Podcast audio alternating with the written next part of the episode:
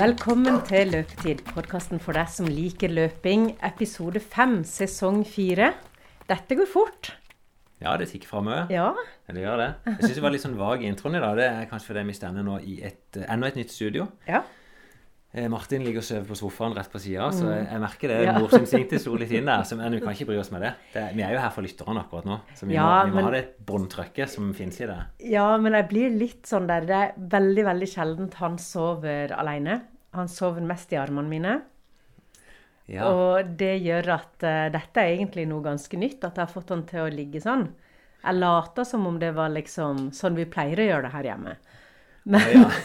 så at det Jeg tror han uh, jeg tror han er godt av bare å ligge og høre stemmen vår og føle Ja. seg trygg. Så, eh, Så- mamma på sida, ja. også onkel Finn, kan vi kalle meg Ja. Som eh, blir jo litt det når jeg treffer han så ofte. Så ja, han smilte jo veldig til deg sist gang. Så det blir nok god kjemi. Ja. Men ja, nå ser jeg at han beveger seg litt, så vi får håpe at uh, han sover igjennom denne episoden. Men uh, sist gang så var vi jo på gåtur. Ja, ja jeg syns jo det var en fin, fin tur. Uh, Vi har fått en del gode tilbakemeldinger på det òg. At det er jo det er jo ikke akkurat løpetema, men det handler jo det om å komme i gang med trening. Både etter en fødsel, men å komme i gang i seg sjøl. Ja. Fikk til og med en kommentar fra mamma som driver og hører på denne podkasten. Og hun syntes jeg var litt sånn pessimistisk med at eh, hun bare kunne springe 50 meter. ja. Men det, det det jeg diskuterte med mange etterpå òg, at når du, når du er på, på et litt lavt nivå, så handler det egentlig om altså Løping er en enorm belastning. Eh, da er det bare å gå istedenfor. Ja, for vi snakka litt om det i begynnelsen av episode én, at eh, det er litt sånn undervurdert, kanskje. For det, siden man tenker alle kan jo løpe, så eh, er det mye mer belastning enn det folk tror. Og det er jo mye mer enn både sykling og svømming, for du får jo ingen hvile. Du holder jo på hele tida. Ja. Jeg tror mange tenker at hvis jeg skal springe, så må jeg springe så og så lenge. Det teller ikke før jeg har løpt i 20 minutter eller 40 minutter, men det er bare tøys. Det hjelper meg i gang, og det er en enorm belastning. Jeg hadde hørt en episode um, på en podkast til um, Jan Posterli, og det var ei som heter Sigrid Jervel Vågner, som har vært skada. En av Norges beste løpere og, og springer jo en 10 km på 32. Hosses første treningsøkt nå, etter hvert skada, jeg tror det var seks uker hun hadde vært ute. Kan tippe hva det var? Ti minutter. Nei, tre ganger ett minutt. Oh, ja. Altså tre minutter. ja. Og det er det nivået som en, en toppidrettsutøver begynner på da, etter hvert ute. Og da, sant. Når jeg da sier at mamma som ikke er vant til å trene så mye, eh, hvorfor skal hun da begynne å jogge langt? Nei, det er 50 meter mer enn nok da i starten. Ja, jeg kan jo innrømme at jeg skal ha min første løpetur i morgen. Skal du det? Ja. Ja. Jeg har avtalt barnevakt, Ja, sammen med så alene. Ja, så du skal bare ut og prøve å jogge litt? Ja. Men, ja kan ikke du ta og spille inn litt på den, og så Ja, kan jeg ta med deg i neste episode? Og så er jo mitt råd til deg da ta og spring mye mindre enn det du har tenkt. Ja. Altså det du har planlagt i dag, så justerer du det med 50% ned. ja. Da kommer jeg kanskje ut til porten, og så må jeg tilbake igjen. Nei, men, men turen kan jo ha en lengre varighet. Men at det, hvis du da f.eks. trulte gjennom den eh, Trulte, det høres litt kjedelig ut. det var frekt. Men at du gjennom den samme løypa som jeg der gikk, men at du legger inn noen strekk der du springer, Ja. det vil jo være mer enn nok. Mm. Så, men temaet var jo Vi var jo så vidt inne på det med, med løping som terapi. Mm. jeg er blitt enda mer bevisst. For når jeg springer med folk nå, så er det mange av de som tar det opp. At de òg bruker det som det. Eh, eh, I går, for eksempel, da var jeg ute med min fetter Øyvind. Eh, vi har vært borti han òg før, faktisk. Ja, vi- vi... var sprang intervallet en gang på Strømme mm. sammen med han. Eh, han hadde jo en ambisjon i fjor om å springe eh, 10 km under 40 minutter. Han klarte ikke det, men han var på god vei. Nå er han blitt så dårlig form at det å springe 6,30 på kilometeren, det er mer enn nok. Altså Han vil kanskje klart en mil på maks en time. Ja. Eh, Det forteller jo ferskvare god form er. Mm. Men han har bestemt seg nå at eh, han vil ikke bruke trening til å streve, men han bruker det egentlig som rekreasjon og for å føle seg bra. da. Og det, er, det er veldig bra. Men da, på en sånn tur, eh, da bruker vi òg den treningsturen, da, som jeg ville nesten sagt som to damer som er ute på tur. At Ja. Eh, praten går i ett, og vi får lufta tankene. Og egentlig det siste han sier til meg før han eh, reiser, er jo at dette må vi gjøre mer av. Det føles godt å bare få Ja. snakke. Ja, for det er jo litt det å eh, Med ungdommer, da. Jeg har jo en 15-åring eh, ved siden av Martin, da, som er baby. Så med henne så merker jeg også at eh, snakken, hvis det er et eller annet vi skal snakke om, så går Ja. det lettere hvis de er i bevegelse. Det, det er rart. Det er selvfølgelig masse forskning på dette, og de anbefaler jo dette. og Vi kommer stadig tilbake på dette at eh, det blir brukt i terapi, det med fysisk aktivitet. Så hvis det er noen som har noen sånn fjortiser som går i lås, da, så kan det anbefales å ta de med på en gåtur eller en joggetur. Og så kommer ofte praten litt sånn av Det seg er sjøl. veldig viktig at du sier det, for det jeg, altså Min yrkeskarriere det er gjennom Forsvaret. Og den første plassen jeg var borti akkurat det, det var når jeg kom opp til Harstad som sersjant. Da var det en liksom umulig eh, tropp, og en umu, særlig en umulig soldat. Da tok troppssjefen min med han på en gåtur over fjellet. Så det gikk ei helg. Og på et vis kurerte han gjennom det, da. Ja. Så, så kan brukes til alt, dette ja. her. Så, så bra. Jeg kan si, eh, Vi skal få hilse på Joakim, tenkt i neste episode. Han er jo blitt pappa, som vi har nevnt. Der han, jeg treffer han nå, det er på løpetur. Ja. Så hans døgn er jo fylt av baby og bleieskift og dårlig søvn. Eh, Men han er ett friminutt av hvert døgn, og det er en løpetur på en 8-10 km. ja, og det syns jeg er at Han sa jo det før han fikk barn, at han skulle motbevise det at man kom i dårlig form når man fikk baby. Ja. Så vi får jo følge opp dette her, da. Vi kan vel si at han vet ikke hva han snakker om. Nei. For dette, det å spå åssen det er å få baby er, det, det er jo ikke akkurat sånn som du tror. Ja, for jeg tok det opp med min mann etterpå om han var litt sånn lei seg, for han hadde gått så mye ned i treningsmengde. Ja. Eh, og om han egentlig ønska å trene mer. Så sa han at det var litt sånn tosidig. For det, han hadde egentlig ikke lyst til å være mer vekke fra oss, sa han. ja. Men han kjente jo også på det. At det savnet etter eh, trening Ja. også var til stede. Men, men det er jo spørsmålet tilbake igjen da er jo hva er det savnet? Hva er det han savner i treninga? Ja. Er det alenetid? Det kan det være. Eller er det noe sosialt? Mm. Og vi snakka jo om det. Vi er jo Tommy òg inne i studio. Vi kan dra med Tommy bort der. Men trening og sjalusi ja. Det er jo Og derfor drar vi inn Tommy. Takk for den. Ja, nei, Vi har snakka om det med Tommy på løpetur før. Altså det med der Særlig sånne som Tommy, da. som eh, Du er jo kommet fra at ikke du trener noen ting. Så kjæresten din er egentlig Når du er ferdig på jobb, så har hun tilgang på det hele tida. Og så begynner du plutselig å trene. Og da, eh, Det er faktisk mange par som ender opp med at det, en blir sjalu på det at den andre trener. At en bruker den tida. Heldigvis, når jeg ble sammen med kjæresten som jeg er sammen med nå, så, eh, så var jeg i gang med treninga. Ja, Men eh, på oppkjøringa mot Oslo i fjor, så fikk jeg beskjed om at nå er det veldig mye løping. ja. Uh, og da, da fikk vi kjent litt på det. At det, det, det, det er faktisk litt belastning på forholdet at det blir veldig, veldig mye trening. Ja. Ja, og det som er viktig, for deg, jeg syns jo på et vis du trener veldig, veldig lite. Jeg gjør Altså, det. altså, du bruker, hvis du begynner å telle timene dine i det Jeg vet ikke hvor mange timer du hadde i snitt i fjor i løpet av ei uke. Nei, jeg vil eh, La oss si at eh, egentlig snittet over året er vel under fem timer i uka. Ja. Så det er jo ikke mye. Nei, Så rundt eh, 40-45 minutter om dagen egentlig i snitt. Men så kan jo jeg komme inn som dame da og si at ofte så er det kanskje ikke det med akkurat timer på en klokke Nei. som Det er jo litt er ting det rundt det. som vekker sjalusien.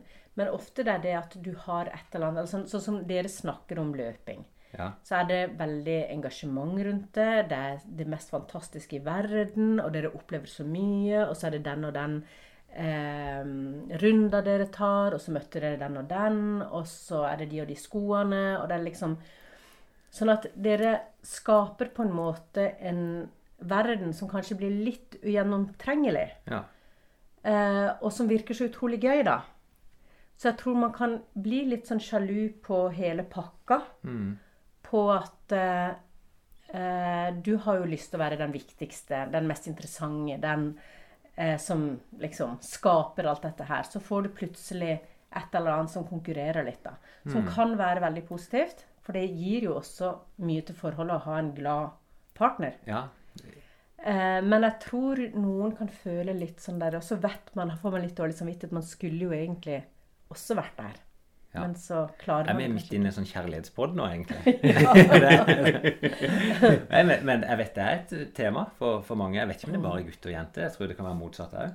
Ja, ja, ja. eh, for nå sa du du som dame at du, du er mer sånn hevd på å kjenne på sjalusien enn oss menn. Nei, men jeg tenkte på det med å ikke telle timer. Når, Mm. når dere snakker om at det er ikke så mange timer, så er det kanskje ikke akkurat de timene. For jeg tror vi damer kan slå i like mange timer på kafé eller på, i telefonen eller Eller på treningsstudio. Liksom, Ja, eller men, men kan tenke at det er litt sjalusi for det ukjente. da. At eh, Hva Ja. er det egentlig han gjør inne på, på den treninga? Jeg syns jo Eller sånn, det er jo absolutt ingen form for sjalusi, men å høre dere snakke om løping Ja. er jo veldig tiltrekkende. Oi. Og det er jo et eller annet som jeg ikke kjenner meg igjen i. For jeg vet jo at ikke det er sånn å løpe. Nei, ja, eller det er Så ikke sånn for deg. nei, så når dere snakker om liksom sånn den der eh, timeouten og liksom sånn der eh, Det å så løpe og snakke Jeg har jo aldri kunnet løpe og snakke. Nei. Nei og det, men du kan gå på tur og snakke. Ja, ja, ja. Så jeg sammenligner ofte med det, at det er det vi gjør. At vi er ute og, er sosialt sammen. I dag har det, det Dette var litt gøy, syns jeg. For Jørund, som jeg òg har møtt litt, han er pianolærer, og jeg har gått og tatt pianotime hos han før. Og så Nå er jeg sånn at jeg, jeg føler jeg er veldig nær å knekke den der siste musikalske koden. At jeg kan lage en sang, og jeg kan liksom finne ut hvilke grep er det som egentlig hører sammen, sånn at jeg skjønner det. ja. Og i dag Yes. Ja, det visste jeg ikke. Nei. Men i dag, så når vi sprang ut, så da sprang vi og han og snakka musikk da, i 15 km. Ja. Eh, så jeg sa dette må jo være et eget konsept. Som han, han er jo pianolærer. Og tar med pasienter, skulle jeg si, men elevene på løpende musikkundervisning. Teori, Ja, Teoriundervisninga i løping. Ja. Det er interessant om det da gjenger mer inn gjennom en sånn løpetur. For han refererte til meg for ett år siden der han drev og prøvde å banke dette inn i skallen min foran pianoet. Eh, at nå begynte jeg å forstå dette. Ja. Men har du det sånn eh, i hodet ditt? For det, jeg kan av og til fungere sånn at jeg husker noe av der jeg var. Ja, Sånn at eksempel hvis du tenker Hva var det Jørund sa da vi var i den svingen der? Jeg vet akkurat hvor det var han sa de forskjellige tingene. Det er rart. Det Og er, at det kan hjelpe hukommelsen på en måte å liksom gå tilbake igjen til noe, da. ja. Det er spennende. Jeg vet ikke hva jeg kobla inn. Jeg kan, ja, jeg vet, nå vet jeg at Jørund og kona hører på denne podkasten òg. Ja. Vi var på kino òg for et par dager siden. Da kom det inn med sjalusi. Men det hadde ikke med løping å gjøre. Det var Vi skulle på kino med han. Ja. Eh, og så spurte jeg om jeg, om jeg trøbler det litt til her nå. For det, han jobber mye på kvelden. Mm. Og da plutselig stjeler jeg kveldstida hans. Og så sier han nei. Eh, kona mi syns det er veldig hyggelig at han reiser ut. Mm. Men hun blir veldig sjalu for det at hun skulle ønske at hun kunne reise ut. Ja. ja den kjenner jeg igjen. Ja. Det Så jeg, jeg foreslår at jeg kan ta det litt sånn annethvert. jeg, Kanskje du får litt mer trøbbel andre veien. Nei, vi skal ikke utfordre den. Men Nei. trening og sjalusi det er i hvert fall interessant. At en må, en må snakke med partneren sin om dette da, og kanskje Ja. ufarliggjøre det litt. Eh, Invitere inn i miljøet. Det kan også være en måte. Ja. ja, og det, Eh, det har jo vi gjort i løpeklubben. at Når vi har reist på maratontur, så er det vanlig vært at vi inviterer med partneren på tur. Ja. Sånn at det er litt sånn bonusen. Ok, vi trener en del, vi jobber mot et mål, men når vi reiser ned, så er det tur. Og så har vi gjort sånn at vi reiser så tett opp mot løpet som mulig, sånn at ikke, folk kan bli litt sånn i sin egen boble før et løp. Men etterpå så er sprudler det litt mer. Men kan jeg hive litt eh, chili på såret nå, da? Ja. Men er det noen grunn for sjalusi? Kan det oppstå søt musikk i et miljø hvor man er så tett sammen at man på en måte Det handler jo veldig mye om kropp. Trening. Ja, Eh, man er liksom sånn Man er kanskje i en sånn en sone, da, hvor man er litt sånn jeg, jeg tror det nærmeste jeg kan si er at det kan utvikle seg vennskap. Men det er ikke mange historier der jeg kan se at det er blitt eh, par eller utroskap gjennom dette. Det, f- det fins jo garantert, det er ikke det. Men det er jo ikke det klassiske at en springer ut på en løpetur og gjør ting i buskene. Det, Nei, jeg, nei, har nei. faktisk, nei. jeg har faktisk hørt om det, men det er liksom helt tilbake til barndommen. At det var en sånn historie som gikk. Men jeg har ikke opplevd at det er noe som skjer i vårt miljø. Har du, Tommy? Nei. Nei. Nei, jeg tenker jo tenk, mer det er sånn vel ikke at noe folk annonserer høyt heller, hvis det skulle skje, da. Nei. Men uh, Søt musikk kan jo oppstå hvor som helst, selvfølgelig. eh, det kommer jo an på hvordan man er bygd. Eh, det er vanskelig for meg å koble dating og, og tung trening sammen. Eh, Ja. Så. Men Ja, du, jeg tre- du, treffer jo, du du- treffer jo interessante folk med samme eh, hobby, da. Mm. Samme eller samme engasjement. Men jeg tenker, er ikke det bare positivt, da? At du finner en arena der du kan snakke litt Mm. med folk og ha noe, og så er du hjemme hos den du er glad i ellers. Mm. Ja. Så, så det er jo ikke sånn at en må dele det samme engasjementet. Men noen gjør det òg. Mm. At de møter opp sammen og syns at løpinga er herlig sammen. Mm. Nei. Jeg husker du fortalte en gang at dere hadde et par i løpeklubben som møttes under sommerløpet. Ja, det stemmer. Og der ble det det. butikk. eh, butikk. Det ble der ble det, der ble det full pakke. Ja, det var en sånn søt kjærlighetshistorie. De møttes jo bare tilfeldig i løpet og ble spr springende sammen.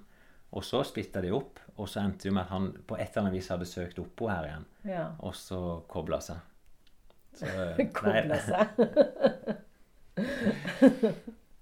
Nei, men det er Hvis det er noen som har noen eh, historier, eller møtt eh, kjæresten sin på løpetur, eller eh, har løst sjalusispørsmålet på en måte, så kan de jo skrive til oss og fortelle. Så kan vi Ja, Men er ikke sjalusispørsmål bare å snakke med kjæresten sin mm, Jo, og gjøre det mest mulig ufarlig? Ja.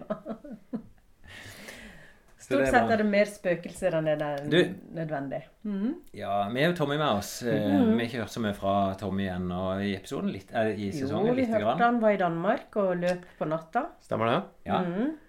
Men har vi hatt en etterpå? Det tror jeg ikke. Nei, faktisk ikke. Nei. Det, det begynner jo å løsne litt her for Tommy nå. Mm. Kan ikke vi ta litt av nå, Tommy, hvordan disse ukene har vært nå etter maraton? Ja. Eh, når man tenker, Du sprang vel maraton mot slutten av januar? Ja, Ca. en måned siden nå. Ja, Mm. som er fire uker unna. Eh, først litt sånn om maratonløpet, da. Sånn mm. i ettertid, hvis du kikker tilbake nå på Ugle maraton. Ja, det var en uh, veldig, veldig kul opplevelse. Så um, det, var, det var ikke i det hele tatt det jeg hadde forestilt meg. Nei, jeg skulle til å si det er veldig forskjellig når jeg hører deg nå kontra opptaket når du kom i mål. Ja. For da var det ikke kul du sa. Nei. Dette var liksom det verste du noensinne opplevde. Nei, jeg sa det var tyngste. Ja. Ja, det tyngste. Det var ikke det verste. Det er absolutt ikke. Men eh, nei, altså, det var, det var tungt. Og jeg, eh, jeg har eh, gått og hørt alle har snakka om denne veggen man møter på 30 km i mange år nå. Eh, og lurte veldig på, når jeg begynte å nærme meg 30 km, hvor denne veggen var, og hvordan den skulle føles. Um, og så er jo det et litt annerledes løp som går i terreng, det er litt sakte. Um, så den veggen kom ikke på 30. Så tenkte jeg liksom at ja, jeg passerte 30, dette gikk jo kjempefint. Du tenkte du kom over denne veggen? Jeg tenkte, at, jeg tenkte at jeg var immun for denne veggen. Den var da på 36. Ja. Ja, og da, eh, da var det smerte, rett og slett. Det er vanskelig å beskrive, men det hele kroppen gjorde vondt. Ja. Og så var det bare egentlig å presse Da var det jo bare seks kilometer til mål, så det var jo bare å komme seg dit. Men seks kilometer er mye lenger enn seks kilometer når du har løpt 36 før. Absolutt. Det føles jo som å begynne på null Ja. på maraton, at det er så langt igjen. Jeg må nok si, i forhold til veggen, det, vi pleier ikke å se at den er på 30. Eh, pleier å være en sånn 35-36. OK, da. Jeg, jeg trodde det var 30. Ja, eh, men ofte når du kommer til 30, så begynner du å tenke at å ja, det er sånn det kjennes ut å gå på en smell. Ja. Men det er ikke det. Den kommer litt seinere. For, for mange, da. Nei, så det var, det, var en, eh, det var en god opplevelse, egentlig. da. Sånn, Jeg kom i mål. Jeg hadde med meg Kai på hele runda rundt, som coacha meg. Mm, Så- ja, vi hørte jo det. Ja, altså det, det var, Alt det var veldig bra. Og jeg fikk kjenne på støle bein dagen etterpå. Klarte ikke å gå opp og ned trappene som, som normalt. og ja, det var, Ting var tungt i noen dager. Mm. Eh, og så fikk jeg streng beskjed om å ikke trene på i alle fall ei uke. Kanskje to. Ja, du hørte ikke på det? Nei. Eh, og så gikk jeg i gang igjen med rolig, rolig trening i skau ganske kjapt etterpå. Mm. Um, og så har det egentlig utvikla seg gjennom de siste månedene med at jeg har løpt veldig mye i skogen. Og veldig mye høydemeter. Mm. Vi kan komme litt tilbake til det. Men treninga di er den er gått bra. Det var vel litt tungt de første to-tre ukene. Ja, det var det. Og så virker det for meg som det virkelig er sluppet opp nå en måned etterpå. Så Mm. forrige uke trente du Var det ikke ni mil, nesten? Ja, 89 km hadde jeg. Ja, Det er rekord for deg. Ja, eh, to, to eller tre kilometer Ja. fra rekord, så det er da, da tett opp mot det. du godt og vel en mil om dagen. Nesten 15 km om dagen i snitt. Mm. Det begynner å bli veldig bra. Eh, for det var litt det vi, vi kjørte jo sammen opp her, og du fortalte om den økta du hadde i går. Eh, og beskrive ei økt som du opplever veldig tung. Mm. Eh, det var femminuttsdrag oppe i Baneheia i ei småkupert løype, og du Um, Har løpt den før. ja, løpt før, jobber deg gjennom, og så kommer du hjem, og så blir du egentlig så glad. Så glad at du annonserer Jeg vet ikke til hele verden, men i hvert fall til meg og til Joakim at oi, se. Ja, det var, det var noen som fikk en sånn Se her, dette Ja. funka. Eh, det var veldig overraskende. Jeg følte, man har den følelsen at man har fått 15 kilo med sand inni skoen som bare gjør ting tungt. Ja. Eh, det går trått, og det er litt sånn kjipt. Og så når jeg ser på klokka etterpå, så har jeg vel strengt tatt beste eller nest beste tid i den løypa noen gang Ja. på ene runden der. Eh, og, og ja, det, det føltes ikke sånn der og da, men i ettertid så kan man jo si at det er vel fordi at jeg egentlig har en, generelt en bedre form nå, da. Absolutt. Du er jo blitt eh, veldig med bedre form, og du, du er trent mer. Du blir i bedre form. Det er så enkelt som det. Men det med følelsen er, det er interessant. Jeg bare spør deg da, hvordan, hvordan var opplevelsen av økta? Altså, Vi har jo hørt deg på noen treningsøkter. Det er jo bilder der du ligger rett ut og peser. Var det sånn i går? Nei, ikke Jeg hadde, jeg hadde en bakkedrag der som, hvor pusten var til stede. Ja. Um, men, men sånn på det jevne, i løpet av de ni kilometerne jeg løp i går, så, så kunne jeg prata helt greit. ja. Det er det som Og jeg kjasa veldig mye med, med Philip og et par andre som var rundt meg der da. Så det var, det var mye prating i den, på den økta. For det rimer jo veldig lite igjen med det, altså beskrivelsen av det det gikk veldig tungt. Men du har vært i stand til å prate. Men for det er liksom, kroppen kjennes tung for det du har trent mye. Og, og det er sånn, når du, jo bedre trent du blir, så, så er opplevelsen av de harde øktene egentlig at ja, dette er hardt nok. Det er tungt å presse seg sånn som du gjorde før, for det er at du trener som ellers. Men nivået ditt er bare vanvittig mye bedre. Og det vil du oppleve nå. Du kommer til å gjøre bedre og bedre økter. Og bedre økter er jo sånn økter du klarer å holde utviklinga gjennom økta. At du springer like fort eller fortere. Nå har ikke jeg spurt deg om du gjorde det. Åssen utviklinga var på de dragene du hadde. På den økta vi hadde i går, så eh, jeg hadde i praksis bare tre ordentlige drag. Og så syntes jeg det var så trått, da, så da skifta jeg strategi. Så da snudde jeg retning i forhold til hva alle andre løp. Ja. Og så bare løp jeg rolige runder rundt omkring. Altså rundt og rundt og rundt og rundt og rundt til de fleste var ferdig. Mm. Bare for å få kilometerne, men i lavere fart. Men det viste seg jo også at de rundene gikk raskere enn det pleier å gjøre. Ja. Så, Altså, ja. det er sånn halvveisøkt. Ja, det var ikke Men jeg hadde en mye bedre økt på lørdag, som var ei god intervalløkt på Strømme. Ja. Uh, hvor jeg egentlig løp like raskt som jeg gjorde i høst. På de beste øktene i høst. Og da var det også helt rolig sånn type Altså, jeg var ikke over terskel der. Ja. Så, så Men- men generelt sett så er det god form nå. ja, og det vi ser som er rundt det, er jo at du har du er egentlig senka intensiteten på trening. Veldig. Ja, men du trener mer. Mm. Og så blir du merkelig nok bedre. Ja. Og så har jeg begynt å dele opp øktene litt. Så jeg, de fleste turene mine er på rundt 7 kilometer. Ja. Og så har jeg del, den uka når jeg trener mye, så, så, så er det to 7 km-turer en dag. ja. Så du springer ut på morgenen og på ettermiddagen? Mm. Ja. Det, det er en måte i hvert fall Jeg syns det er lettere å hente kilometer sånn. Mm. For én tur på 14 kan oppleves som ganske hardt. Og det er en stor belastning på kroppen, men hvis du tar to på åtte, Mm. så er det lettere. Mye lettere. Ja. Og det er nok er restitusjon imellom? Ja, det blir det. Mm. Det hjelper bare med den, de timene imellom, få litt mat og slappe av litt. Også mentalt òg. Mm. Så det er nok et tips for folk som skal opp i mengde, er bare begynne å dele opp økter. Eh, så, men så er det jo sånn Hva er mest effektivt, da? Du, du fær, hvis du skal springe 20 km om dagen, så er det mer effektivt igjen å springe de 20 km i ei økt, for det er større belastning. Så ja, jeg skal ikke blande, vi skal ikke gå helt i dybden på dette. Nei. Men veldig bra. Du er i fin utvikling. Men så har du begynt Du snakka om at du begynte å samle høydemeter. Ja. Eh, Du er jo litt sånn i ulike miljøer her, da. For du, du ender borti disse ultragutta. Ja. Um, Det er veldig fine folk. ja, jeg, ser ikke at det er forskjell. At, de er, at det er graden av i. Nei, nei, nei, nei, det er de, eh, det jeg opplever sjøl, vi snakka litt om at ultraløperne er ofte et annet syn på løping. Det handler ikke så mye om den prestasjonen om å springe fort, men det er å ha det fint. og oppleve naturen. Det er god tid, det blir godt i bakkene osv. Eh, men de jager ofte mer time og høydemeter enn distanse da, og fart, som vi andre gjør. En, en liten annen ting. Jeg, I desember så hadde jeg en prat med Frode Balken, Mm. som vi har hatt inne her noen ganger. Og eh, han, da hadde jeg det litt tungt. Og da anbefalte han meg å begynne å løpe i sone to i skauen.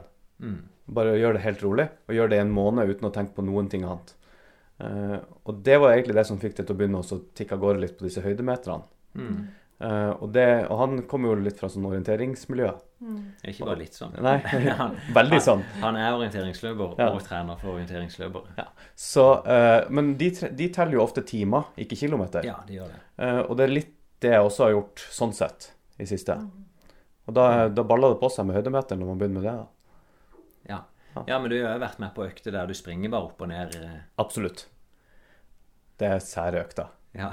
Men kan du fortelle hvorfor du gjør det? For meg er det litt sånn eh, Hva er det nå du er på vei mot? Skal du springe ultra? Nei, jeg skal ikke springe ultra. Nei. Det er ingen ultra på planen. Det, det kan jeg bare avkrefte med en gang for, for alle som hører på, og deg og litt sånn. Ja. I 2020 blir det ingen ultra, i hvert fall. Um, men jeg skal løpe et skogsløp som heter AQ21, Ja. eh, som går samtidig som KRS Ultra. ja. Det er vel I slutten av april. ja, Noen fleiper kaller det barneløpet. Så det er 21 km med mye Ja, vi var jo med der rundt hele løpet der i fjor. Stemmer. Eh, og den tida som vi fikk i fjor, den var jeg veldig fornøyd med. Ja. Så den skal vi knuse i år. Eh, og da har jeg begynt å løpe mer i bakkene og i skogen, for jeg har lyst til å bli sterkere. For Mm. det er der jeg føler jeg har mest å hente på det løpet. Eh, så de klyvene opp de siste bakkene Jeg tipper de blir like tunge, men de skal gå mye raskere. Det, skal, det er lett å utfordre det, for han som vant i fjor, Joakim Mm. Hansen, han har ikke løpt noen bakkeløp. Nei, men han er også ganske, en ganske habil løper, da. Det er, ja, jeg ser på sånne, i hvert fall løp opp til halvmaraton, da det handler bare om den sterkeste løperen vinner nesten uansett om det er terreng eller bane eller hva det er for noe. Så, men det gjør jo ikke noe å trene bakke. Altså Det er god trening i bakke òg. Jeg bare syns det høres så ubehagelig ut å springe opp og ned en slalåmbakke, som jeg har vært vitne til på stravaen din. Ja, men det, det er merkelig nok så det er ganske det, høres rart ut. Det er sosialøkt. Eh, og så er det Så får man trent eh, mye bein. Men vi går jo med staver også. Så La, ja, hvis jeg går, for det var det jeg skulle spørre om. Labber det ikke opp bakken? ja, det blir mye labbing opp. Ja. Det blir ikke så veldig Altså, det blir eh, rask gange opp.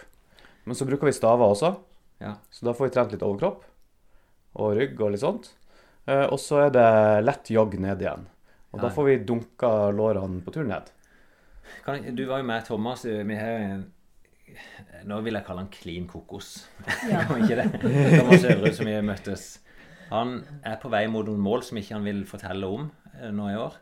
Han Det er jo han ultraløperen vi har hatt inne, som du har tatt i hånda på at du skal løpe ultraløp. Takk Det er for godt at du du er gjør med det. på han. Jeg skal gjøre det. Men eh, han har jo vært med på flere ultra, og nå har han et mål som ikke han vil helt fortelle om. Men i hvert fall sendte det med at han sprang maraton i en slalåmbakke her forrige søndag. Det er jo helt sykt. Så det, det syns jeg med hånda på hjertet jeg kan kalle det er spesielt, i hvert fall. Men du ble jo vår utsendte reporter, så kan ikke vi gå inn og så høre litt, og, og prøve å forstå hvorfor de gjør det? Mm. Akkurat. Ja, men da tar vi det. God morgen. Nå er jeg på tur til en slalåmbakke i Kristiansand som heter eh, Ja, vi kaller det vel bare for Tveitbakken. Eh, Jeg har nylig stått opp til lørdagsmorgen. Klokka er jo bare halv elleve. Men borti der så skal det være noen karer som eh, er i gang med dagens eh, langøkt, kan man si.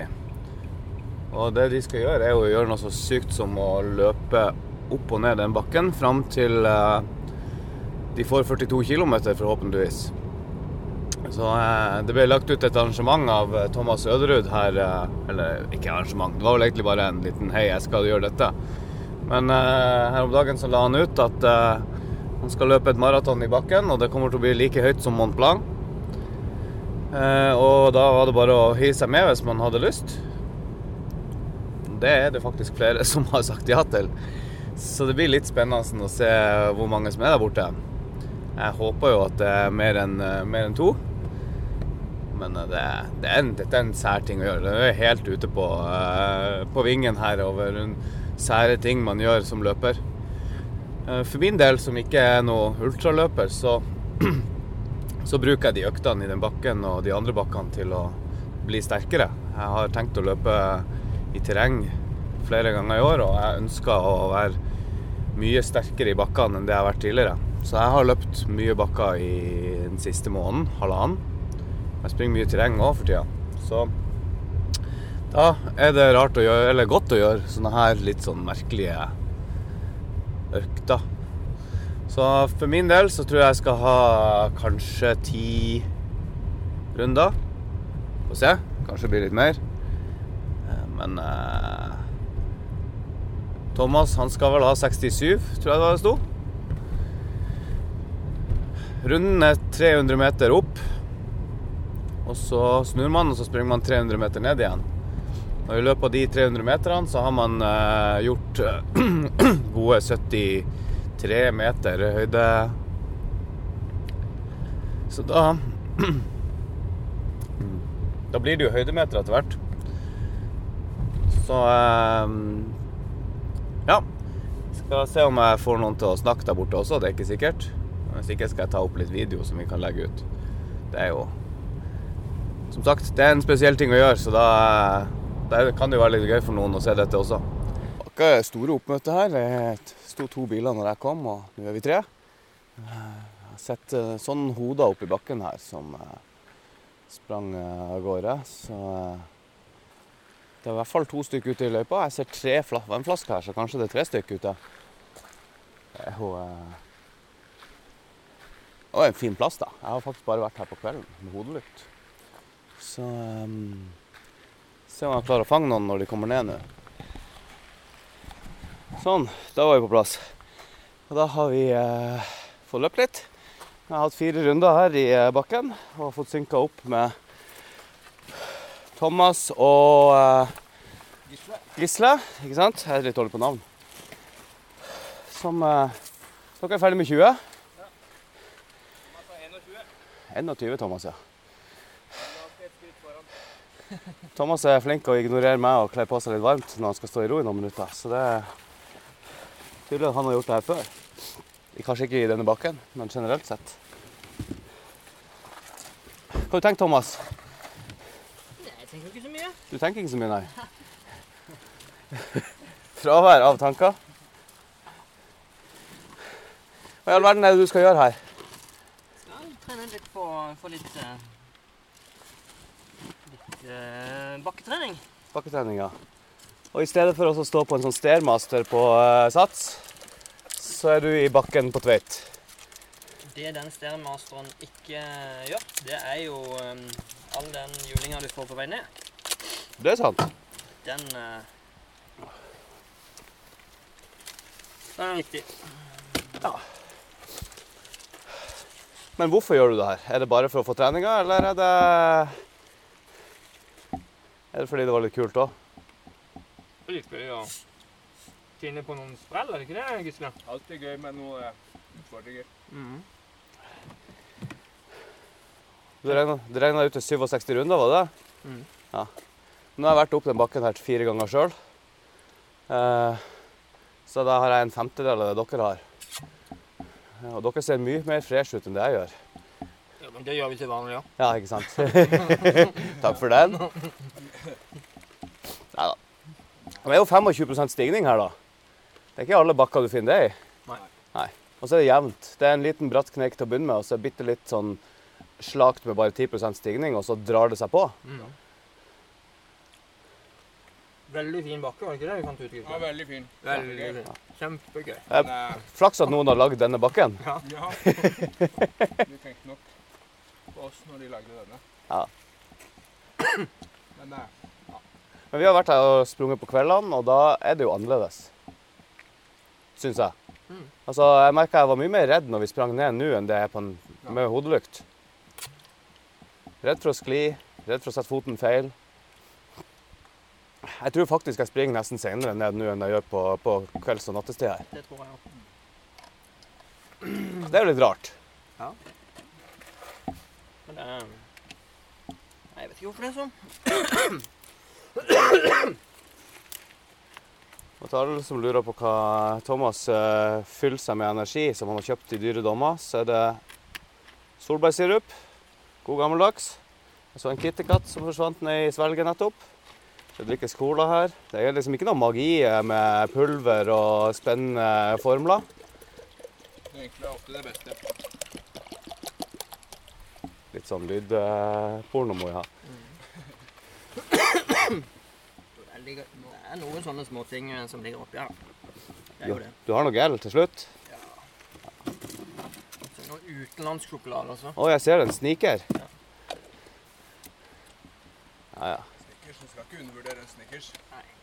Nei, det er absolutt ikke. Det er 250 kalorier i en stor Snickers, så det er kjempegreit å ha når du skal springe i bakken. Du kan i hvert fall spise en med god samvittighet. Jeg hørte Kai var innom her i stad. Ja. Og han hadde hvor mange runder? Ti. Hvor mange runder burde jeg ha da? Elleve. Akkurat. Tror du Kai blir fornøyd hvis jeg får 11 runder? Ja. Ja, det tror jeg. Jeg tenker jeg skal ta 11 runder, og så tenker jeg jeg skal sende tekstmelding til Kai om at jeg har hatt 11 runder. Så ser vi om han logger en runde til i kveld. Det tror jeg nok han kommer til å gjøre. Tror du det? Ja. Ja, det blir gøy. Sånn. Da var jeg ferdig med den økta her. Det ble 11 gode runder på meg. Men de andre de fortsetter. og Thomas han bare, han hadde ikke tid til å si ha det nesten. Han bare snudde og for opp bakken igjen. For han har tenkt å, han har tenkt å sette pers. Selv om han aldri har løpt her før. Så drar han på. Så eh, nå kom det mye folk. Så vi var seks stykk her nå på slutten. Vi eh, kom to unger. Kan ha vært fem-seks år gammel. Kanskje sju. Og de løp ifra oss på tur ned. Så de har løpt opp en runde, og så ned igjen. Så det er gøy å se glade unger som springer sammen med oss her. Det er ikke bare vi gamlingene som er rare. Ungene skjønner det her. Så eh, nå skal jeg bare hive meg i bilen, komme meg hjem til mine egne unger, og så eh, få meg en varm dusj. Nå har det begynt å regne. Så det blir nok en våt affære for de som er her. Jepp, jeg måtte tilbake en liten tur her i bakken og bare se om det var noen folk igjen her. Og eh, jammen var ikke Gaute og Thomas fortsatt i gang med å samle meter inni denne bakken her.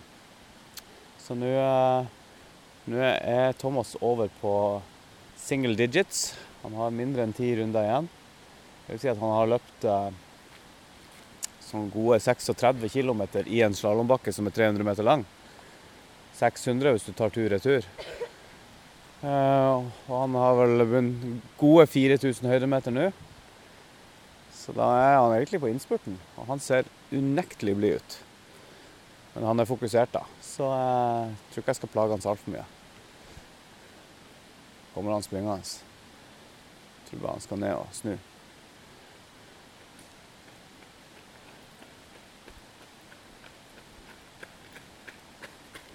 Raskt ned og snurr. Du er blid. Du er altfor blid til å ha løpt eh, 36 km i bakke.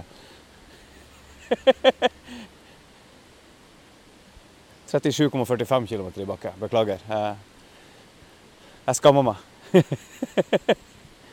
Nei, det er helt sinnssykt kult. Nå er jo det verste regnet gitt seg. Ja da. Ja. Nå har de bare noen kroner igjen. Hvor mange har du?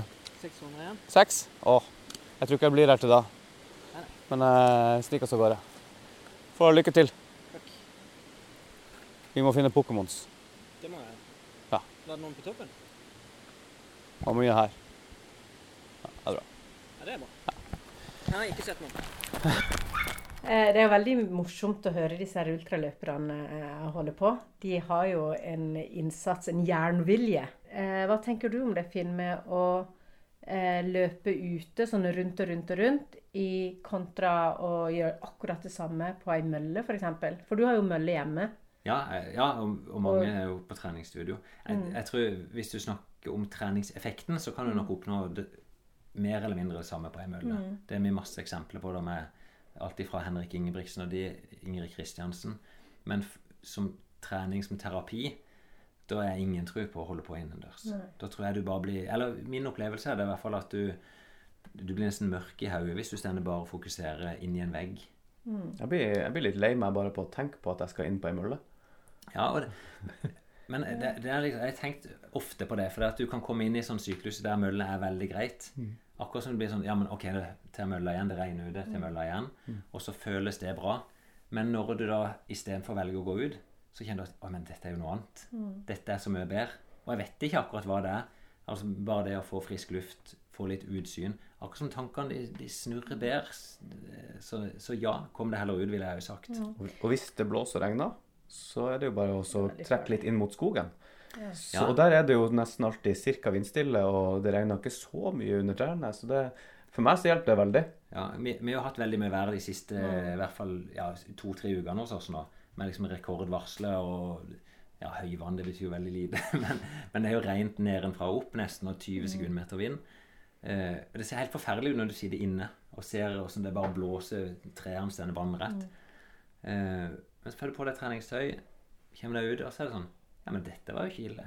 Og det, jeg opplevde jo til og med når jeg sprang opp noen lange lange motbakker, at det var så mye medvind at jeg måtte lene meg bakover og bremse. Det er fantastisk. Ja. Det var ikke akkurat den samme gode følelsen på vei hjem, men det er litt sånn ah, Nei, men nå river det litt. Og det er liksom godt å komme inn, da. Og glede seg til å komme inn, lage seg en kopp kakao. Det er noe helt annet enn å liksom være helt kokt da, på ei tredemølle inne på et treningssenter. Og Så er det jo godt å bare hive seg i dusjen og få en god varm dusj etterpå før du går og finner deg en kopp med kakao. Det er absolutt. Eh, Jeg sprang forbi treningssenteret eh, som er ganske nære huset mitt. Og når jeg var ute og sprang, da, ser, da tenker de sånn der Se på disse hamsterne som holder på der inne. Ja. Hva, de vet ikke hva de går glipp av. Og så står de der på mølla og ser ut, og tenker de stakkars han som springer ut i regnet ute. De gjør helt sikkert det.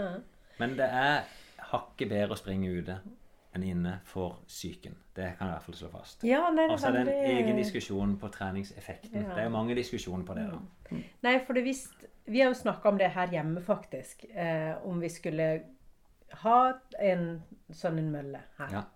Eh, for det at eh, jeg, som dere vet, er veldig, veldig redd for regn. Sånn at eh, for meg så er jo regn liksom den største bremsen for eh, det meste. Eh, og så eh, er det det med at på ei mølle så kan du liksom Du vet hva du Akkurat hvilket tempo du har. Mm. Det virker så målbart, da. Det er mange pluss med mølla. Sånn, for trening så er det jo det, og spesielt i situasjonen du er med baby. Det er jo, du kan jo ikke gå ut og trene nå utenfor barnevakt når Kjartan er på jobb. Hadde du hatt en tredemølle her inne, så kunne du jo trent og så bare hatt babyen på sida. Jeg hadde jo Det høres jo helt sykt ut, men jeg hadde jo tredemølle inne på soverommet til jentene mine når de var små. Ja. Veldig Eh, romantisk. Ja, det er jo helt vilt sånn sett. De la seg, og så starta jeg opp mølla, men de merker det ikke. Det, for det er jo sånn monoton lyd. ja. Veldig høy, monoton lyd.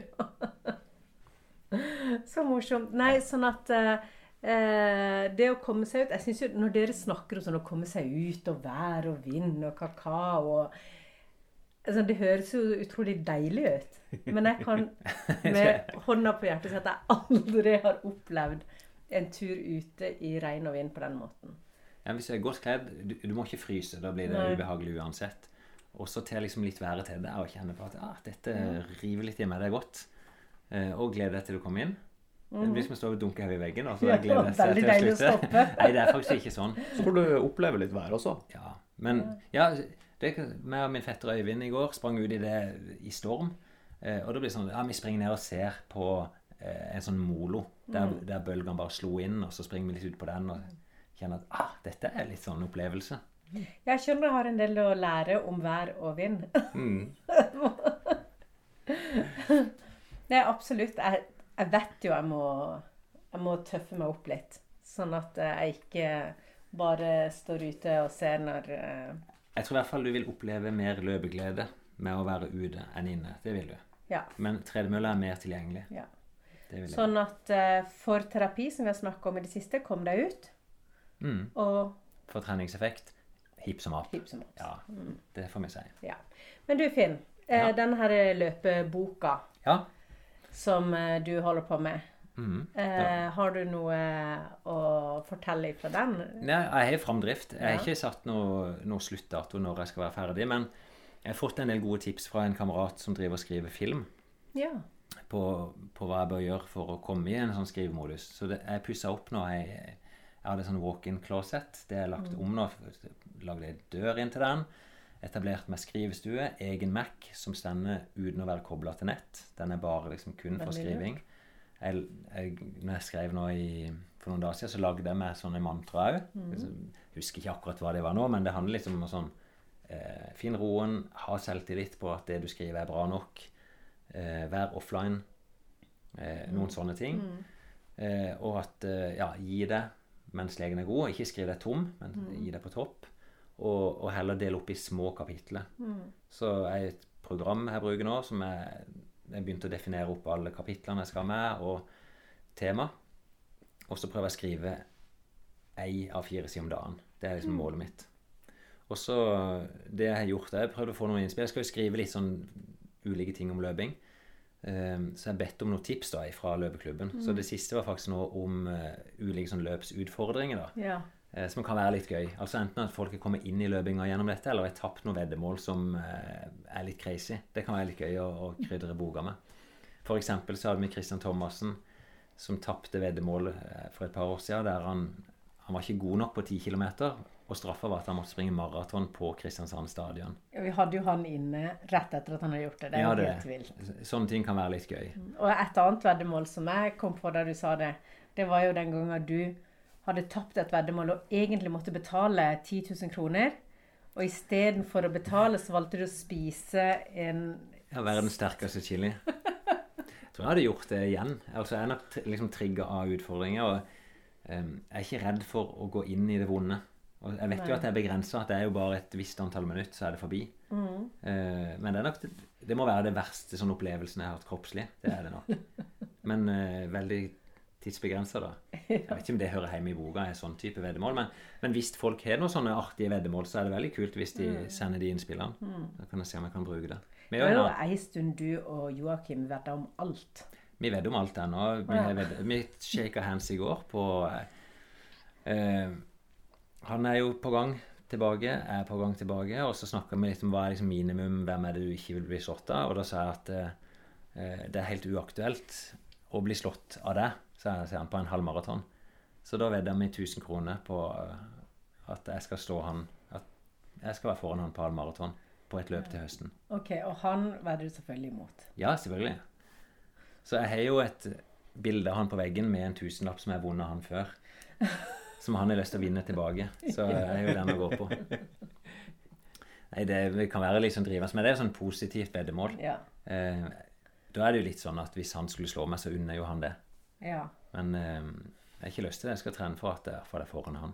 Han er ikke så veldig god på halvmaraton. Og det vet han ikke sjøl. Nei, han er, den tida Han har jo løpt på 32,54 på en 10 km. Det er tre sekunder kjappere enn meg. Eh, 32,57. Mens på halvmaraton så har jeg løpt på 1,12, og han har løpt på 1,14. Så, men det er noen år siden jeg sprang på 1,12, og det vet han jo selvfølgelig. Så, Det blir gøy å følge med. Du får si fra, da. Altså, det går ikke bare lat som eh, Nei. nei, selvfølgelig, men dette blir til høsten. Egentlig okay. så shaka vi på Oslo Maraton, men så begynte vi å tenke at er ikke det ei uke før Berlin? Jeg tror det er det, uten at vi har sjekka. Jeg har ikke lyst til Det å det. Ja, jeg har ikke lyst til å gå all out med en halv maraton ei uke før maraton. Det blir litt for tett. Mm. Det kan jeg jo se da, hvis jeg skjønner at jeg er så mye bedre enn han, at jeg bare kan ta det som en treningstur, så er det greit. Det får vi se. Nei, andre veddemål som jeg kom på, da, det er sånn som Christian Ulriksen. Som, Det var jo en av de jeg møtte nede i Kenya nå. Han kom jo inn i løpinga egentlig gjennom et veddemål. Han var jo sånn halvfeit pokerspiller. Og så begynte å vedde med var det faren eller svigerfar. Far, var det vel. På om han klarte under tre timer på maraton. Og så på vei der så blir han bitt av løpebasillen, og så eskalerer det. Og nå er han jo Han vil sikkert ikke si det blant Norges beste maratonløpere, men han er jo faktisk det.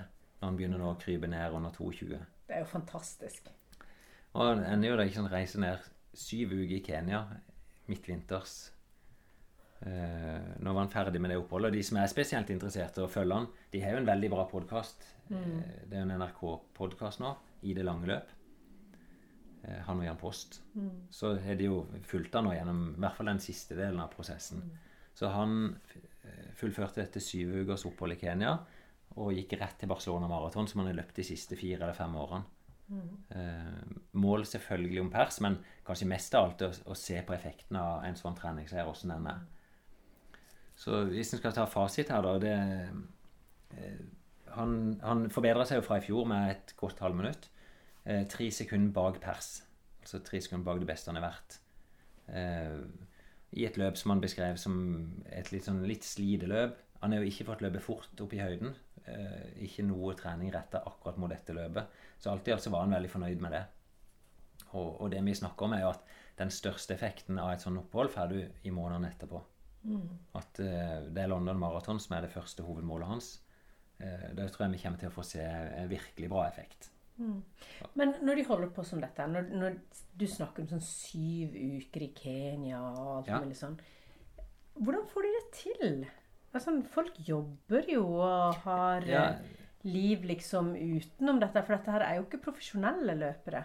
Nei, begynner jo å nærme seg da når han er på det nivået der. Ja, ja, men økonomisk, tenker jeg. Han hadde spart opp da i mange år og Ja. hatt dette som en drøm. Og så er det jo Det er ikke veldig dyrt å leve der nede. Så du betaler for en reise og et opphold, og så bruker du egentlig ikke penger mens du er der. Nei. Så jeg tror han sa at for hans del så var det litt sånn Ok, det er en liten investering, men totalen blir ikke så gal. Nei. Eh, Det blir faktisk dyrere sånn for et kortere opphold, for det er nesten det, flyreise er ofte det dyreste. Og så blir overnattinga veldig mye billigere når du er der over lang tid. Ja, for jeg Så- tenker bare, jeg er jo veldig fascinert av folk som Sjøl så tok jo jeg meg fri et år eh, og reiste med dattera mi og sånn. Men det var jo en enorm investering sånn i både økonomisk og tid og det å sette livet ditt litt på vent for å få til sånne ting. Det er jo valg da som du kan velge å gjøre, eller du kan velge å, å bli det faste. da. Ja. Folk får jo tid til ferie ellers òg, så er jo bare liksom hvilken switch en gjør. Mm. Så jeg skal ikke anbefale det ene eller andre. Folk må velge som de vil. Men eh, det blir litt passivt, syns jeg, når folk sier at 'Å, jeg skulle ønske jeg kunne gjort som det'. For det kan de. ja. Det handler bare om å, å ville eller ikke ville. Og tørre å ta det steget. Men du, eh, vi har jo egentlig Vi får jo inn lytterspørsmål. Ja. Og så har vi vært litt bakpå med å ta de opp. Noen svarer vi direkte når vi ser de, Mm. og sånn. Eh, men eh, skulle vi tatt noen eh, Vi kan ta, ta noen, og så kan vi bruke litt mer aktivt i neste episode Ja. og, og forberede enda bedre. Jeg så jo, Noen spør jo om disse alfaflyene. og De så at jeg Ja. la ut et bilde på Instagram at eh, jeg fikk kjenne de, ikke sant, Mm. Sondre sine sko der nede. Eh, det er jo en enorm diskusjon rundt dette med sko. Eh, ja, min mening er Jeg har lyst selvfølgelig bare å legge det dødt, for jeg mener at det handler ikke om skoen, det handler om løperen. Eh, og jeg skal finne fram mobilen her, for jeg syns et innlegg av en som heter Per Gunnar Alfheim, som han løp sitt 150. maraton. Det er ikke så mange som kan skilte med 150 maraton. Eh, jeg gir i hvert fall kred for å, å ha en helt unik kompetanse på maraton. Eh, jeg skal ta to innspill, da. Eh, Alle tror nå at du må ha Nike sin eh, Next Prosent Vaporfly, som de kalles, med karbonsåle og tykk hæl. Eh, mens jeg var i Kenya, så ble det satt verdensrekord på 10 km på Adidas, som altså ikke er den samme skoen. Eh, og så var det liksom, ja, men på maraton, og kanskje særlig for mosjonisten, Per Gunnar Alfheim med 150 maraton, han er i hvert fall en mosjonist. Eh, Han har bare lagt ut posta innlegg nå på søndag. Da skriver han så var superskoene i eh, sånne gåsetegn til Nike testa på maraton. I mitt maraton nummer 150. Konklusjon dette er dårlig egnede sko for meg på maraton. Punktum. Og så er det sånn Hm, hva, hva skjer der?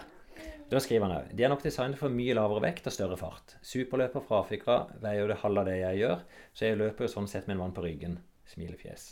Skrått smilefjes med. Skoene fungerer på, nei, bedre på intervalltrening og kortere løp for meg.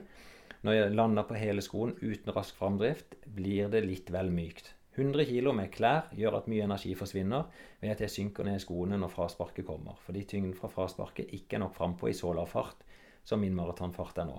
På maratonen for en måned siden var tiden 3.49. Nå ble den 3.54. Altså ca. 4,5 minutter dårligere.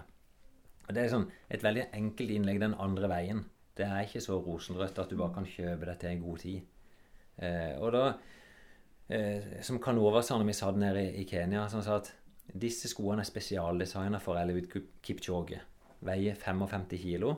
Han har sitt unike løpesett. Eh, og de er designa for at de skal springe på 1,59. Mm. Det er veldig få løpere som er i samme kategori. Han fortalte samtidig at Bekele, som springer like fort altså i, Når vi er der ser på det, så er det akkurat like fort. Eh, han kan ikke bruke de, for det at det er en feil form, passform for han. Så der måtte de spesialdesigne sko for han. Så, og det er nok interessant. Jeg vil jo tippe kanskje i framtida at det vi vil se, er at sko spesialtilpasses den enkelte løperen. At du rett og slett eh, Det blir laget et program som måler og ser på foten din. Det vil jo være det optimale. Og så kan du bestille den skoen, konkurranseskoen, da, som er til din fot og ditt steg. Og ditt fart og din vekt. Det er jo det som vil være rett. Eh, men selvfølgelig foreløpig fortsatt veldig vanskelig å gjøre i praksis. Ja. For det at du vil jo helst omsette ting eh, i en butikk eller på en nettbutikk som bare er masseprodusert. Eh, og så spørs det jo da med de nye reglene som er kommet. For det er jo kommet regler på dette på sålehøyde og karbon. Eh, og at for å få godkjente rekorder, så må, eller i hvert fall eliteløper, da, eh, så må skoene ha vært i salg i butikk eller tilgjengelig på, for kjøp da, for alle i jeg tror det er fire måneder. Ja, Det er bare regler. Ja. Så, men jeg tenker, slutt å snakke om sko, snakk heller om trening. At det, det, liksom, tenk at det er mannen eller dama oppi skoene som det er det som utgjør forskjellen. Og jeg husker du i begynnelsen så sa du det at man skal kunne løpe med det meste. Det er ikke utstyret, tightsen, Det er ikke det, skoene altså. eh, Det og det type stoff. Så skal ikke jeg være den som konkluderer og sier ja, kanskje de er bedre. Kanskje da noen sekunder her eller der for noen. Men det er ikke det det betyr. Det, ikke, det betyr ikke noe. Er det verdt å betale 3000 kroner? Kunne du heller brukt eh, Du kunne gått ned 3 kilo. Eh, 1000 kroner kiloen. Du hadde gjort det, Willy, hvis du fikk det? Eh, ja, jeg hadde jo jeg hadde ønska å gå ned tre kilo, men det, jeg, det ønsker jeg uten å få sko. det da skal du få lov til det. Så Du, også en som heter Glenn Sørensen. Han snakker litt om det med mm, løp rundt forbi landet. Eh, og det er jo kjempeinteressant. Hvor er de beste løpene? Eh, hvor er tilbudet nå i dag? Eh, problemet vårt er at det er så enormt mange. Eh, du har noen som skiller seg veldig ut. ikke sant? På Sørlandet har vi sommerløpet. Vi har Svalandsgubben, vi har Farsund maraton, Grimstad maraton, Skagerrakmila. Eh, vi har ultraløpet vårt. Og, og så begynner du å forstå at oi, det er jo så enormt mange bare her. ja. Og innimellom der så har vi jo jeg vil tippe 200-300 ulike løp bare i Agder.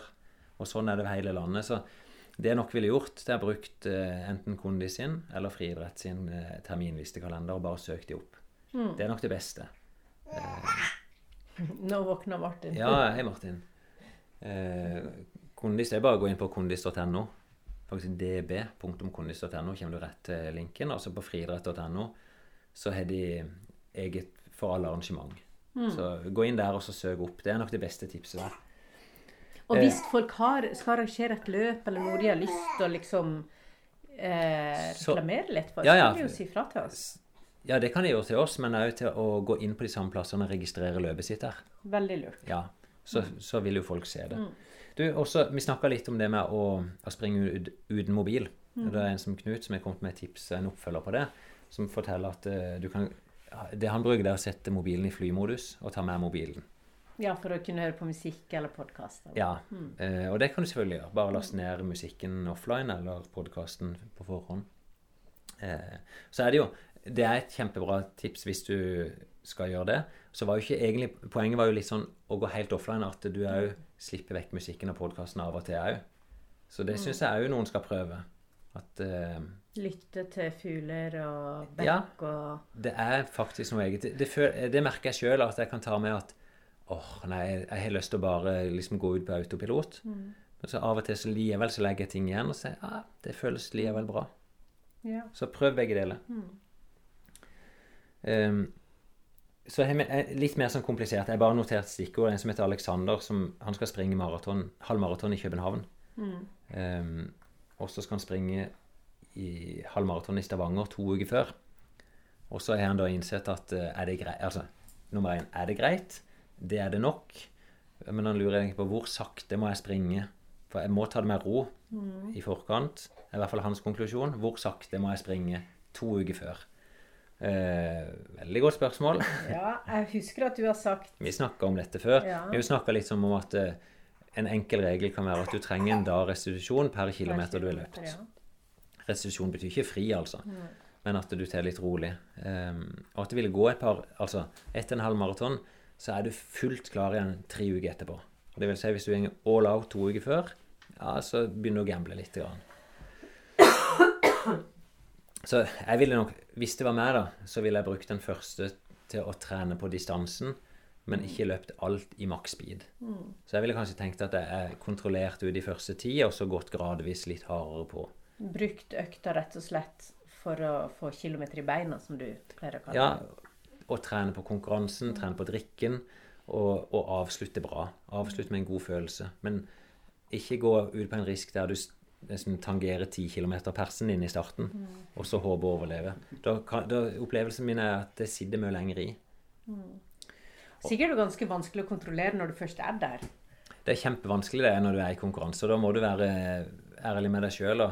Hvis det viktigste er i København, så må du faktisk gjennomføre sånn som du er planlagt i Stavanger.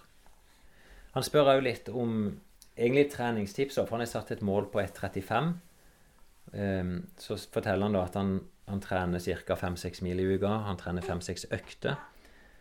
Eh, han springer en 10 km på 43 nå, med mye vind, skriver han. Han gjennomførte tre sjørs, det er et halvmaraton borti Stavanger, på 1,44. Så lurer jeg på, er det for lite ambisiøst med 1,35? Og det var da jeg stilte deg spørsmål Eller sånn Er det ikke bare å slå målet ditt, da? Hvis Ja, du det, har et sånt, eller sånn det, er, det er veldig forskjell hvordan folk setter seg mål. ja. Um, hvis jeg, skal, jeg tror nok jeg kan være i den enden av skalaen at målet mitt er det som potensielt i aller, aller beste fall er mulig å nå hvis alt er optimalt. Sånn okay. sett er mål. At det er sånn Jeg strekker og strekker det, og så er det er der jeg har lyst. Mens andre er litt mer forsiktige og tenker at eh, hvis alt går galt, så klarer målet mitt uansett. ja. Men jeg tenker sånn OK, hvis jeg setter meg mål 1,35 Ja. Og så hadde jeg en kjempedag, og så klarte jeg å løpe på 1,30. ja. Så er det bare bonus. Det er jo det. Så Så du må ikke sette målet på 1,29. Nei, du må ikke det. Det fins ikke noe rett svar på dette. Hvis du trener fem-seks mil i uka, så er det absolutt mulig å springe på 1,35. Men noen springer på 1,45, og noen springer på 1,25. Så det, det handler jo mest om hvor tøff du er med, med deg sjøl i treninga her. For du kan være veldig spesifikk og gjøre veldig mye brutal trening på fem-seks mil og bli veldig god. Og bli veldig skada. Du kan bli veldig skada. Så jeg tenker da at hvis drømmen har vært 1,35, så syns jeg det er det han skal jobbe mot. Og så heller ta det som bonus hvis det går veldig bra. Og jeg opererer av og til med det jeg kaller mål, og så har jeg drømmemål. Ja. Ja, for det har du sagt. Ja, at ikke du har liksom to mål. Ja, her er jeg fornøyd. Da, Ja. da kjenner jeg liksom, da er jeg sånn Men så har jeg liksom en drøm om at ah, en gang så har jeg lyst til å nå det. Så det er en gang å bruke det. Og liksom at 1,30 ligger og vaker der. Mm. Men en må ikke ende opp etter et løp som en gjort det bra, og så være misfornøyd. Det er veldig trist. Det sa du til meg at Det kjefta du litt på i forhold til Tommy. Da du sa at det er veldig dumt hvis det du skal huske han for, var at han ikke nådde målet sitt. Ja, det er jo ikke Når noe han hadde Han er jo tidenes sesong. Tidenes framgang, tidenes Ja. sesong. Ja, nei, jeg tror Skal vi ta og avslutte der? Så kommer Martin og våkner opp. Nå er det Tommy som er barnevakt. Og han begynner å bli sulten igjen. Ja. Men eh, det var det for i dag. Da er det jo egentlig bare å komme seg ut, uansett vær. På med de joggeskoene du har. Absolutt. Det er de beste. Det er de beste. Og det var som jeg sa før i dag til at uh, den beste treningen du får gjort, Det er den du får gjort. det er faktisk den du gjennomfører. Ja.